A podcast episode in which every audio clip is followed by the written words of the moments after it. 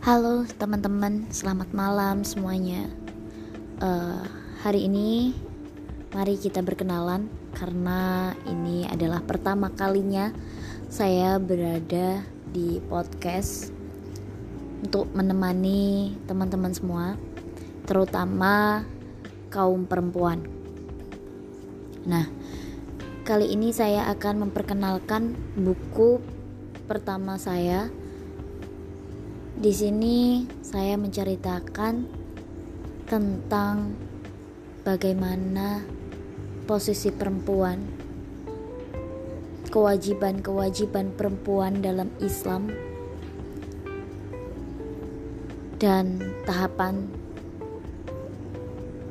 dalam berhijrah. Tentunya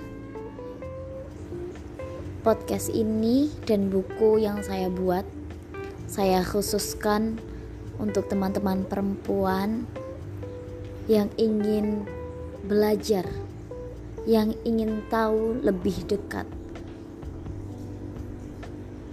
tentang perempuan dalam Islam. Untuk mengetahui apa saja yang dibahas dalam buku itu, jangan pernah lewatkan podcast Anissa Faikotul Jannah. Terima kasih semuanya. Selamat malam. Wassalamualaikum warahmatullahi wabarakatuh.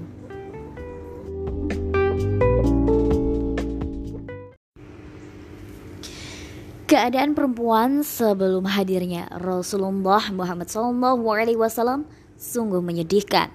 Namun, dengan izin Allah, Rasulullah hadir mengangkat derajat perempuan sehingga perempuan dalam Islam memiliki keadaan yang mulia.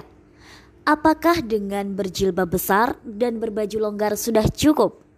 Pertanyaan ini sering kali terdengar di telinga kita, bukan? Jadi, untuk masalah jilbab besar dan baju longgar adalah suatu kewajiban bagi muslimah agar lekuk tubuhnya tidak tampak oleh laki-laki yang bukan mahramnya karena saking berharganya perempuan dalam Islam.